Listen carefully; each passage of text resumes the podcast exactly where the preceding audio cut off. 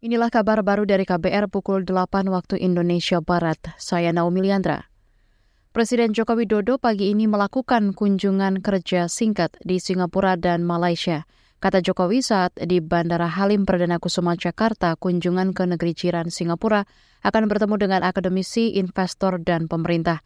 Kunjungan dimaksudkan untuk mempromosikan investasi terutama untuk transisi energi, infrastruktur hijau, dan pembangunan ibu kota Nusantara. Sedangkan di Malaysia, Presiden Jokowi akan bertemu dengan Perdana Menteri Anwar Ibrahim dan Yang di-Pertuan Agung Sultan Abdullah. Kata Jokowi, kunjungan balasan ini dimaksudkan untuk menyelesaikan beberapa perundingan penting yang sudah berjalan bertahun-tahun dan belum tuntas. Di antaranya, kata Presiden, menyangkut perbatasan dan perlindungan pekerja migran. Dewan Perwakilan Rakyat akan mengakomodir masukan masyarakat dalam rapat-rapat pembahasan rancangan Undang-Undang RUU Kesehatan – Anggota Komisi Kesehatan DPR Aliyah Mustika Ilham menyebut akan mengumpulkan masukan dan memperjuangkan. Karena sifatnya RUU ini belum final, nanti akan ya kami akan kumpulkan semua masukan-masukan tersebut dan kami akan juga akan memperjuangkan di uh, pembentukan panjat RUU tersebut. Ini kan berharap seperti itu. Nanti kami akan mencoba mencari celahnya. Itu tadi anggota Komisi Kesehatan DPR Aliyah Mustika Ilham.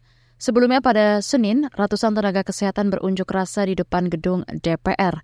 Mereka mengancam mogok kerja bila pemerintah dan DPR nekat membahas RUU Kesehatan. Kita ke informasi pemilu.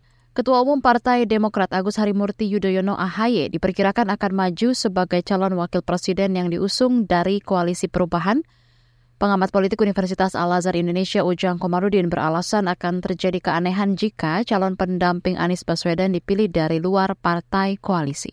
Kita lihat ya mungkin ada apa namanya yang memungkinkan itu AHY karena akan diambil kemungkinan bisa dari internal pada koalisinya.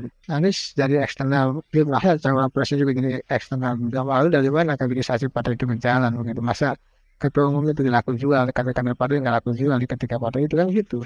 Menurut pengamat politik Universitas Al-Azhar Indonesia, Ujang Komarudin, beberapa nama calon wakil presiden bisa berubah mengingat waktu pencalonan masih lima bulan lagi. Kata dia saat ini figur paling dicari adalah yang bisa memberikan kontribusi kemenangan, memiliki integritas tinggi dan juga mendapat dukungan dari kelompok Islam. Demikian kabar baru KBR, saya Naomi Liandra undur diri.